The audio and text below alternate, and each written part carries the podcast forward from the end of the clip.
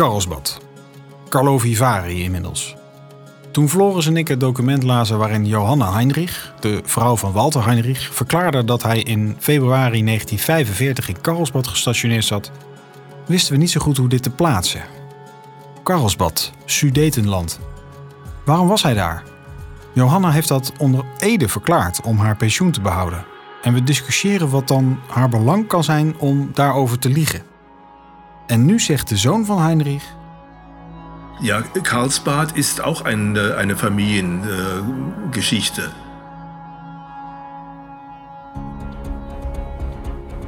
Dit is de Verdwenen SS'er. Een podcast waarin we proberen te achterhalen wat er na de oorlog is gebeurd met Walter Heinrich. Oorlogsmisdadiger, massamoordenaar en grondlegger van een van de gruwelijkste concentratiekampen in Nederland. Hij verdwijnt in de laatste maanden van de oorlog. Onvindbaar. Spoorloos. Mijn naam is Jordi Hubers en samen met Floris van Dijk ga ik op onderzoek uit.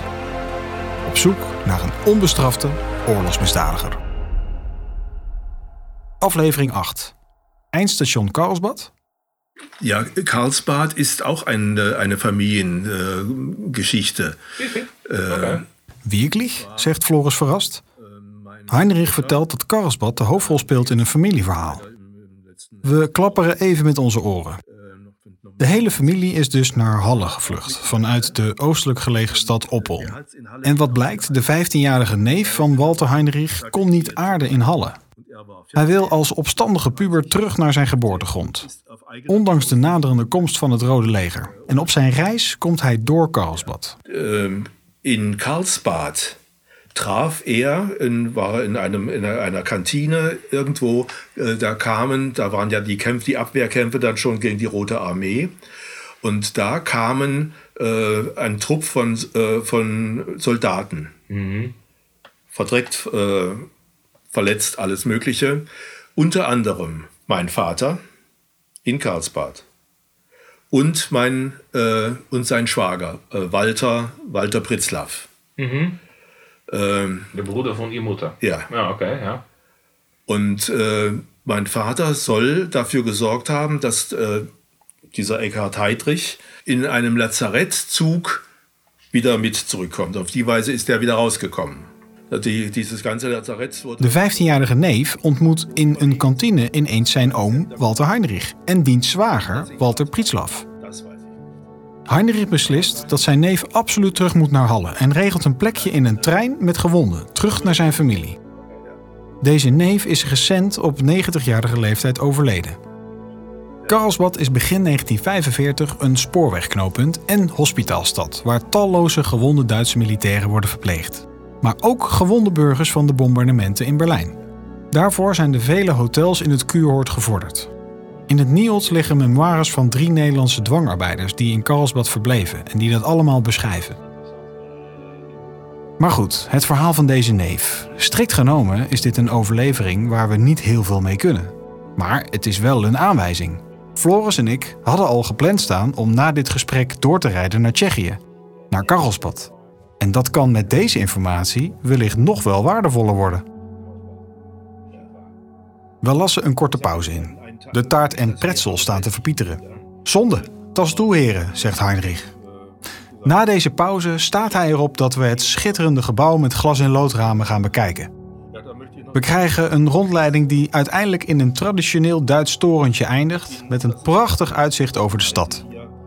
Eenmaal beneden ronden we het gesprek af. Wat zou Heinrich ervan vinden als we antwoord krijgen op de belangrijkste vraag? Wat is er gebeurd met zijn vader? Äh, Herr Heinrich, stellen Sie sich mal vor, wir fahren äh, morgen äh, weiter nach Karlsbad, Karlovy Oder in nächsten Monaten, dann haben wir eine Antwort. Was mit Ja. Ihr Vater passiert ist seit Ja. Februar 1945. Ich bin sehr interessiert. Egal, was bei rauskommt. Ja, wie sind Sie auch natürlich. Ja, äh, die Wahrscheinlichkeit ist nicht sehr groß, dass, dass äh, neue Erkenntnisse äh, zutage kommen. Het is een interessant gesprek geweest van meer dan twee uur. De zoon van Walter Heinrich is een hele aardige man. Maakt zo nu en dan grapjes, is zichtbaar blij met ons gesprek en laat bij vlagen emotie zien. Hij heeft het soms moeilijk als hij in zijn gedachten teruggaat in de tijd. Geheel op Duitse wijze is het afscheid weer plots wat formeel en afstandelijk. We spreken af om contact te houden. Eenmaal buiten moeten Floris en ik natuurlijk even reflecteren. Zo. Lieve dank nog eens nogmaals. Vielen herzlich. Dank. En Harry. Vielen Dank. Jordi? Vielen Dank. Und auf Wiedersehen.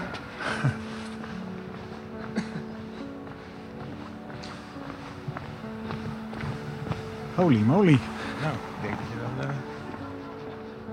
we kunnen heel even wat dingen eh, terughalen uit zijn gesprek. Ten eerste, Walter Heinrich is in februari 1945 nog bij zijn familie in Halle geweest.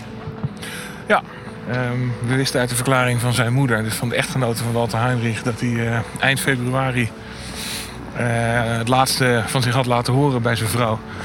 Ehm, maar wat we dus niet wisten was wat eh, de zoon net vertelde, dat hij zelf nog in uniform, eh, dus als militair, ook inderdaad in de Halle is geweest. Eh, dus daar hebben ze elkaar nog gezien. Ja. Nou ja, hij heeft natuurlijk zijn vader niet gezien, want hij was toen eh, één jaar oud. Maar eh, Ja, nog niet eens. nee, dus ja.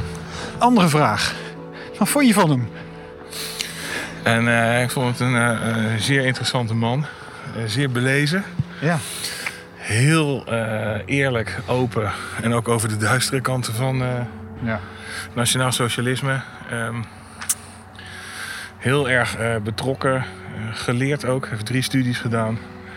En eh, overduidelijk ook links georiënteerd. En een diepe afkeer van, van de Tweede Wereldoorlog. En wat hij ook heel kernachtig samenvat. Ik ben natuurlijk niet verantwoordelijk voor de keuzes van mijn vader. Maar dat hij schuldig was, dat is hartstikke duidelijk. Ja. Ja. ja, ik vond het... ik had me een heel anders voorgesteld. Maar dat komt, je, doet, je doet het met een paar foto's van Walter Heinrich. Ja.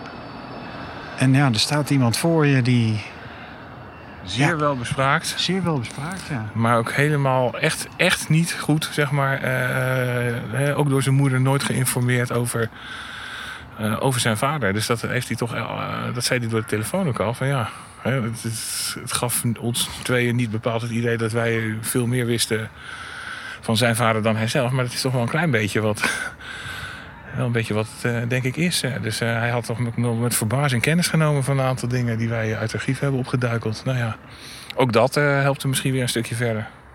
Maar toch, ten opzichte van de telefoongesprekken weten we nu wel meer. Zeker. En ja, dat Karlsbad eh, verhaal, dat dat misschien dus toch ook weer een soort van bevestiging vindt in een verhaal van een ander familielid die hem daar heeft gezien.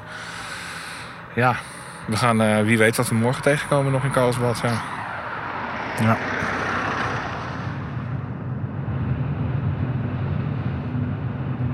Op weg naar Karlsbad. Wat hopen we daar nou te gaan vinden? Ehm, meer informatie, ehm, die mogelijk nog wat toevoegt aan wat we gisteren ook allemaal weer in eh, de stad waar de zoon van Walter Heinrich eh, woont. Eh, wat we daar hebben gehoord. Dus eh, misschien ter bevestiging of juist weer ter aanvulling op. eh, Hoe zou ik... 10 kilometer, hou rechts aan, blijf op de A6 en volg voor de Neurenberg puntje. Oké, dankjewel. Eh, het, eh, op een of andere manier, we weten nu nog steeds niks, maar het, het, het, pad, het, het pad begint zich nu wel echt te effenen. Hè? Het meest interessante vind ik eh, dat een aantal scenario's die we in het begin van eh, eh, dit hele gebeuren zeg maar als voor- redelijk onwaarschijnlijk hielden. toch weer in een wat ander licht zijn komen te staan. Redelijk geloofwaardige scenario's lijken dan toch weer wat zwakker te komen. Dus het verschuift allemaal steeds een beetje. En het blijft gewoon inderdaad steeds maar zoeken naar ja, met name administratieve aanwijzingen in een spreekwoordelijke hooiberg. Wat een eh, prachtige stad, eh, dat uh, Carlo Vivari. Morgen wegen tussen de heuvels. Ja. Maar als je dit zo ziet, hier, een hele mooie oude eh, kerk. Als je dit zo ziet, kan je niet voorstellen dat hier twee keer een groot bombardement is geweest in de oorlog. Ja, toch is het zo. En eh, ze hebben het schijnbaar ook eh, deels mooi herbouwd. En ook al, je ziet ook wel weer wat moderne gebouwen ertussen. Ja. Ja, dat is waar. Maar inderdaad, eh, Carlo Vivari. Een prachtig Tsjechisch stadje.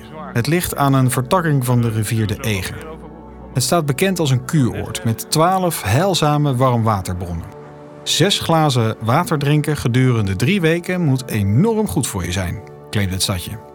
En James Bond fans opgelet, de film Casino Royale is hier opgenomen. Voor een groot gedeelte in het statige Grand Hotel Poep met PUPP. We staan buiten te wachten op Jan Netvet, historicus bij het plaatselijke museum. Voor aflevering 6 hebben we al mailcontact gehad. En hij gaat ons helpen vandaag. Hey! Jan! Jan. Hi! Jordi? Jordi. Jordi. Jordi. Jordi. Jordi, ja, Jordi. what you want. Jan is een wat alternatieve, bereisde en aardige man die Nederland goed kent. Yeah. Nice to meet you. How do you like it here? It's Beautiful. Beautiful, yeah. So this is a spa center. Yeah. Today is it something like a ghost town? Because everything was sold to Russians. Really? Jan vertelt ons dat Karlovy Vary momenteel een spookstad is. De mooiste panden in het stadje zijn namelijk opgekocht door Russen. business. heeft een promenade waar je u tegen zegt. De plaatselijke middenstand is met juweliers, dure kledingzaken, restaurants en hotels duidelijk gericht op de rijke Russische toeristen. En die komen niet meer. We lopen met z'n allen naar het kantoor van Netvet en zijn collega's. Een behoorlijke klim. Zo, de verwarming doet het hier. It's my colleague Lucas. I'm Lucas. Nice to meet you. Hi! Hi, Lucas. Jordi, hi. Binnen ontmoeten we zijn collega Lucas. Hier geen formaliteiten zoals in Duitsland, maar direct to the point. Lucas pakt een grote oude kaart van het oude Karlovy Vary erbij om te laten zien wat er gebeurde in de laatste maanden van de oorlog in de stad. Here is a one train station which was bombed in 1944 and 1945. There. Yes, thi- here. it's there. uh, it's This is the a main one, and uh, this is the second one. Oh, really? Okay. There were two stations. Yes. Two train stations. Tijdens de Tweede Wereldoorlog wordt Karlsbad vooral gebruikt als oord waar Duitse troepen aan het oostfront even op adem konden komen. Daarna worden steeds meer hotels ingezet als veldhospitalen. De ontdekking dat de twee stations in de stad niet alleen maar voor personenvervoer worden gebruikt, maar ook voor het doorsturen van wapens, zorgt ervoor dat de Amerikanen de beide stations bombarderen.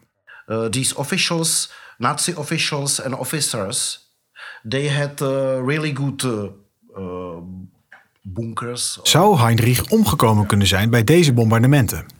Nee, denkt Jan. Nazi-officieren hadden goede bunkers en woonden niet in het gebied dat gebombardeerd is. it was Nice to see the nice to see the map. Ja. It really shows. Uh, Go to see the picture. yeah, yeah, yeah, yeah. I show it to your colleague. This is a part of uh, Becher's villa. When it's being reconstructed, Yeah. I took a picture of it. Today is it hidden. Jan Netvet laat een foto zien. De mogelijke werkplek van Walter Heinrich. Het gebouw waar de SS hoofdkwartier hield. Bechers Villa. Bij restauratiewerkzaamheden kwam het SS-logo tevoorschijn. Aan de voorpui. Inmiddels is het logo weggestuukt. Waar de stad een hospitaalfunctie had, waren in de omgeving van de stad enkele concentratiekampen te vinden. Jan Netvet geeft aan dat op dit moment nog onbekend is waar het grootste kamp van de stad heeft gestaan. Het is een van de voorbeelden dat ze hier historisch onderzoek doen met beperkte bronnen en mogelijkheden.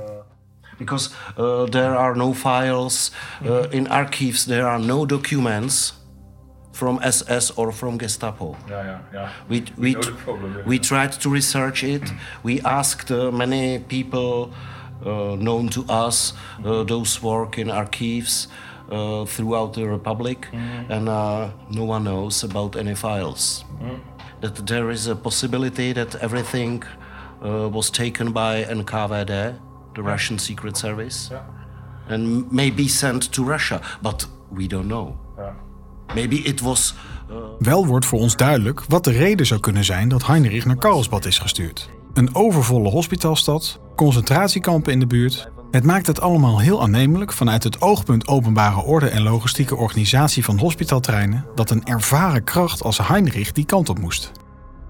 De stad was in de laatste dagen van de oorlog gesplitst door een demarcatielijn over de rivier de Eger tussen de Amerikanen en de Sovjets. Wat was het lot van SS-officieren als zij in handen zouden vallen van de Sovjets? Met andere woorden, wat zou er gebeurd kunnen zijn met Heinrich? Jan Netvet schetst de opties. When they fell into the hands of Soviets, I think they were uh, all sent to the east to the Soviet concentration camps, maybe to gulags. But I know about some camps in Poland for German prisoners. Because uh, here, maybe 20 25 kilometers, were uh, the huge source of uranium. So the Soviet army withdraw at the end of 1945. Als officieren in handen van de Sovjets zouden vallen, dan zouden zij mogelijk naar het oosten gestuurd kunnen zijn. Naar gulags of naar een kamp in Polen waar Duitsers naartoe gebracht zijn. Ook weet Netvet dat er op 25 kilometer van Karlovy Vary een uraniummijn was, in Yachimov, waar 2000 krijgsgevangenen naartoe gestuurd zijn om te werken. Maybe there's a third alternative. Within these two days of uh, looting of the Red Army, he could be killed by some Russians. Ja. Ja, dat is, ja. Many of the POWs uh, could happen uh, that they fell into the hands of drunken Soviet soldiers. Of hij is ter plekke vermoord door wraaklustige dronken Sovjet-soldaten, waar een SS-uniform werkte als een rode lap op een stier. Do you know if the, there were also those SS officials or Wehrmacht soldiers uh, here from that were made uh, captive? eh, that were uh, Uh, were also among that group? Because for us, of course, we, as you understand, we are absolutely investigating every possible trace where Walter Heinrich might have been, and this is a new. What I what I think about uh, Heinrich and other high officials or officers, uh, they really uh, had to know what what can they expect from the Red Army. So all of them, I think, tried to cross the river To get to the Americans. to get to the Americans. That was their chance Yeah. to. Uh, Jan vertelt dat iedere verstandige militair zou hebben geprobeerd om de Russen te ontlopen en naar de Amerikaanse kant van de stad te komen. Tot 8 mei 1945 was het nog mogelijk om de Amerikaanse kant van de stad te bereiken. Daarna is er een bestand gekomen tussen de Amerikanen en de Sovjets. De angst voor de Russen was namelijk immens. Zeker doordat de Duitse minister van Propaganda Jozef Goebbels dacht dat het Duitse volk weerbaar werd door Russische plunderingen, verkrachtingen en moordpartijen uit te buiten. Het leidde echter tot collectieve paniek onder burgers, zoals de massale zelfmoord onder duizend burgers in het plaatsje Demmin. And Jan, I have a very important question. Do you know any place here in uh, Karlovy Vary where uh, the remains or the bodies of uh, uh, died uh, German soldiers? We know about the mass grave that is uh, the main cemetery. Ja, there are two, 2000... uh, Floris en ik vragen naar de begraafplaats in de stad. Daar blijken 2100 Duitse soldaten te liggen. Ook anonieme graven. Zou hij hier dan toch ter plekke omgekomen kunnen zijn? German soldiers. We willen graag een kijkje nemen, maar eerst lopen we langs de waarschijnlijke werkplek van Heinrich, het lokale SS-hoofdkantoor. Becher Villa. Dat was vroeger eigendom van de beroemde Tsjechische familie Becher. So th- that was where the SS uh, logo was. yeah. the sign was. It's on the right side of the Yeah, building. Yeah. yeah, yeah. There's that circle, and it's covered. It's it's hidden Yeah. now. After the reconstruction. yeah. Het is een mooi statig pand in een wijk vol met mooie villa's. Het pand is recent gerestaureerd tot een kunstgalerij. Een communicatiemedewerker van de kunstgalerij probeert ons verder te helpen. En ik vraag haar, wat herinnert er nog aan die periode? Uh, only the sign above the window. Uh, outside or uh, yeah. Yeah, okay. That that was the only thing. Yeah. Are there some some pictures left or something or? The only picture we have is this. This is from before the reconstruction, Yeah. before the sign was cut. Hier wordt ook duidelijk. Men weet weinig van de oorlogsperiode. Er is weinig tot niets bewaard gebleven. It was headquarters. They uh, had to uh, secure the situation in Karlovy Vary. Uh, not only the security as such, but the political security, and also fighting against the resistance, because there were some uh, communist and social democrats during the World War, and they were doing uh, the work known as the uh, Rote Hilfe, They were helping the prisoners of war in a concentration camp for prisoners of war. Ja. We zetten de pas erin, naar het noorden van de stad. Want nu we er toch zijn, moeten we toch echt de begraafplaats op. Zou het kunnen? Zou het kunnen dat Walter Heinrich hier ligt? Laten we eerst reflecteren op alle opties en scenario's. Waar staan we nu met de wetenschap die we nu hebben? Inclusief het voorbehoud dat we moeten maken, omdat vaak ondersteunend bewijs ontbreekt. Dus alle scenario's die we in deze podcast hebben besproken, zijn geenszins definitief van tafel. Toen we met de podcast begonnen, dachten we nog aan krijgsgevangenschap in een geallieerd kamp. Vlucht en onderduik in Duitsland of vlucht naar Zuid-Amerika met de rattenlijn onder een valse naam. Dat zowel de geallieerde legers als het Nederlandse en Duitse Openbaar Ministerie Walter Heinrich serieus, maar tevergeefs hebben gezocht, bewijst niet dat deze opties definitief afvallen. We hebben alleen geen ondersteunend bewijs gevonden. Dan was er nog het verhaal van Werner, dat kon duiden op een graf in Nederland. Naar vermogen hebben we dat onderzocht met een mogelijke begraafplek in Midden-Nederland. Maar hier geldt geen lijk en dus ook geen DNA-match. Via de zoon van Walter Heinrich, die we uitgebreid hebben gesproken, en een verklaring van de echtgenote van Walter Heinrich uit 1965, komt het Tsjechische Karlovy toen Karlsbad in beeld. Een optie die op het oog waar kan zijn. Maar goed, wat staat er zwart op wit? Walter Heinrich was kampcommandant van kamp Amersfoort. In maart 1943 blijkt hij overgeplaatst naar de Sicherheidsdienst in Den Haag. Dan is er de verklaring van zijn collega dat hij in juni 1944 op het hoofdkantoor van de SS in Berlijn ging werken. En Heinrich zou ook in februari 1945 in Berlijn hebben gezeten. Die overplaatsing naar Berlijn lijkt dus te betekenen dat hij toen niet rondliep in Zeist, waar de rest van de staf van de Sicherheidsdienst naartoe ging vanuit Den Haag. En dat was juist een op het oog logisch element voor het verhaal van Werder, omdat zijn moeder in de buurt woonde van Zeist. Bovendien zou Walter Heinrich in februari 1945 in Halle zijn familie hebben bezocht. In SS-uniform. En waarom zou hij dan zelfmoord plegen in Nederland? Het verhaal van zelfmoord in Nederland lijkt nu in een ander licht te komen. Al valt niets uit te sluiten. Wij hebben alleen, nogmaals, geen ondersteunend bewijs kunnen vinden. Dat maakt het verhaal overigens niet ongeloofwaardig. Denk bijvoorbeeld aan de Unteroffizier, genaamd Walter Heinrich, die een brief heeft ontvangen die in het Nationaal Archief ligt. Dat was niet onze Walter Heinrich. Maar het verhaal van Werner kan nog steeds gebeurd zijn. Zijn moeder is immers in Duitsland terechtgekomen om later de biologische vader van Werner te ontmoeten. Daar is Werner het levende bewijs van. Maar dan is dit verhaal dus mogelijk gebeurd met een andere Walter Heinrich.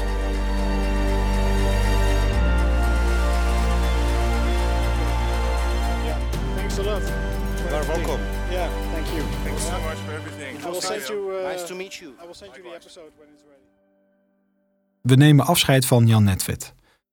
De temperatuur zakt, de lucht wordt grauw en de sneeuw begint een pak te vormen op een desolate begraafplaats. Het is wel een mooi winterlandschap. Het sneeuwt. We zijn lekker op z'n Hollands gekleed. Met gimpen, maar Gimpen door de gladde sneeuw. met met gimpen door de gladde sneeuw. Het was wel interessant wat ze vertelde natuurlijk. Dat eh, tussen, eh, tussen 8 mei 1945 en 11 mei, in die drie dagen is die stad een beetje een soort demarcatielijn langs de rivier gelopen. Dus het ene stuk was Amerikaans, het andere stuk was Sovjet.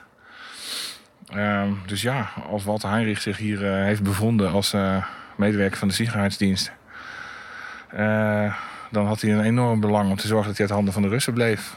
Als dat niet is gelukt, en dat is ook een beetje waarom we hier zijn, dan zou het kunnen dat hij dus, eh, hè, want de Russen hadden weinig genade met eh, officieren, dan eh, zou het kunnen dat hij hier eh, anoniem begraven kan liggen. Allemaal Tsjechisch dit. Dit is allemaal Tsjechisch. En ik weet eigenlijk niet, kijk, volgens mij is het helemaal niet zo heel groot hoor. Kijk maar, hier, hier stopt het al. Op foto's is het veel groter. Maar daarachter is niks, nee. Maar loopt het niet daarna door dan? Zou dit niet anoniem begraven zijn? Dit ziet er een beetje... Ja, je hebt gelijk. Dit is het. Dit herken ik. Alleen de stenen zijn helemaal besneeuwd. Zelhoorn. Kijk, dat zijn allemaal, de- allemaal Duitse namen. Ja. Dan zijn we hier, kun je niet lezen. Ik ga even die sneeuw eraf schrapen.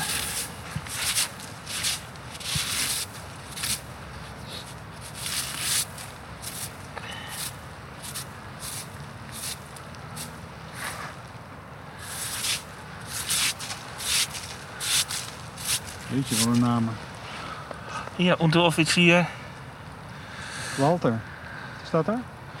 Walter. Walter, Ober. O, Obergefreiter. Oberfra. Weet je, wacht even hoor. We moeten dit vraagt even om iets meer poetswerk. Ja.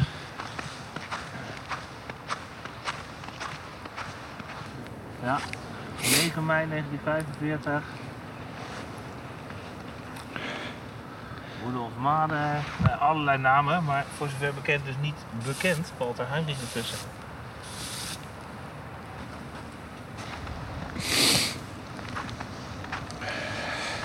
Hier, 19 april 1945, Frans Jager. Veel overleden wel in die periode, hè? 3 mei, ja, dit is echt heel veel. Het zijn er echt veel uit die eh, laatste drie, vier maanden van eh, de oorlog. 18 april 45. August Mierle. Ja. Jeetje, veel zeg. Wat lag hier? 2000 zeiden ze geloof ik, hè? En ik denk toch echt dat dit inderdaad eh, de anonieme graven zijn hier in het midden van dat veld. Want hier staan ze op naam. Daar staan kruisen met niks erbij.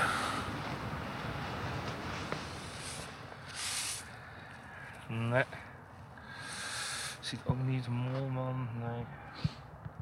Gekke vraag misschien, maar stel dat hij was gestorven hier, dan nemen ze zijn naamplaatje misschien af, hopelijk. Ja.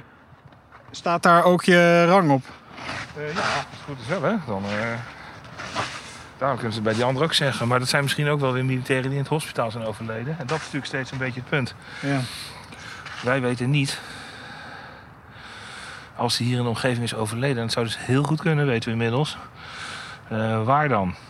In het Russische stuk, in het Amerikaanse stuk... eh, in een hospitaal, omdat hij toch ergens gewond was geraakt. We weten het gewoon niet. Oh, Deutsche Soldaten, kijk eens. In diesem Friedhofsteil Teil ruhen deutsche Soldaten. en vrouwen? Männer, Frauen und Kinder, die in Berlin ihre Heimat hatten. Ach zo, Bürgerinnen und Bürger. Ja. En er liggen dus een aantal, eh, nou ja, Anoniem. bij die kruisen. En daar hebben we dus eh, twee of zo, eh, twee van die verzamelgraven gevonden met militaire rangen erbij, maar daar zat hij niet tussen. Dus die zijn vermoedelijk in het ziekenhuis overleden, denk ik. Want die zagen er wel heel netjes geadministreerd uit, inclusief rang. Nou ja, wel bijzonder om hier te zijn. Ja, maar geen Walter Heinrich helaas. We hebben in Nederland nog contact gezocht met dokter Pavel Anders, beambte van de begraafplaats in Karlovy Vary, als mede de diverse begraafplaatsen in de omgeving. Maar er staat geen graf van Walter Heinrich geregistreerd. Zijn we teleurgesteld? Helemaal niet. We hebben in deze drie dagen en de weken ervoor weer veel stappen gezet. Het lijkt erop dat het plaatje tot aan zijn verdwijning vanaf februari 1945 helder is. Als je het nu aan mij vraagt, dan vermoed ik dat het volgende met Walter Heinrich is gebeurd. Hij is in Karlsbad geweest en in handen gevallen van de Sovjets. Dan kan hij meteen zijn doodgeschoten, of naar een gulag of naar de uraniummijn zijn gestuurd, waar Jan Netvet het over had. En dan vinden we hem echt nooit meer. Floris is strenger. We weten nog steeds niet zeker. We hebben te maken met familieoverleveringen, met soms ondersteunend bewijs. En dat is, zo eerlijk moeten we zijn, niet heel veel waard om definitief uitsluitsel te hebben. Deze twee nieuwe afleveringen hebben wij, Floris van Dijk en Jordi Hubers, wederom met veel enthousiasme gemaakt. Zijn dit de laatste afleveringen? Wij denken van niet. Er zijn nu weer nieuwe aanknopingspunten die het uitzoeken waard zijn. En ondanks beperkingen is het ons toch gelukt om enkele administratieve snippers te vinden. We gaan dus wederom verder met ons onderzoek. Wij melden ons uiteraard als daar aanleiding toe is. Maar voordat we afronden, eerst nog even dit. Eind april verschijnt een nieuwe podcast, getiteld Oorlogswond. Tijdens de Tweede Wereldoorlog hebben bijna alle Nederlandse artsen zich verenigd in verzet tegen de nazi's. Hoe werkte deze verzetsorganisatie? Welke acties ondernamen de artsen? Wat waren de successen? Welke dilemma's speelden voor hen? En hoe kijken hun nabestaanden er nu tegenaan? Is hun oorlogswond geheeld? Abonneer je op de podcast De Verdwenen SS'er en wij houden je op de hoogte wanneer de podcast Oorlogswond live staat. Deze podcast is geproduceerd door I.O. voor Nationaal Monument Kamp Amersfoort. Wil jij meer weten over Kamp Amersfoort of Walter Heinrich? Bezoek dan het nieuwe ondergrondse museum over het voormalige concentratiekamp. De mixage en eindedit is gedaan door Frederik Middelhof van Podcast Guru. De muziek is gecomponeerd door Bouke Hennepman.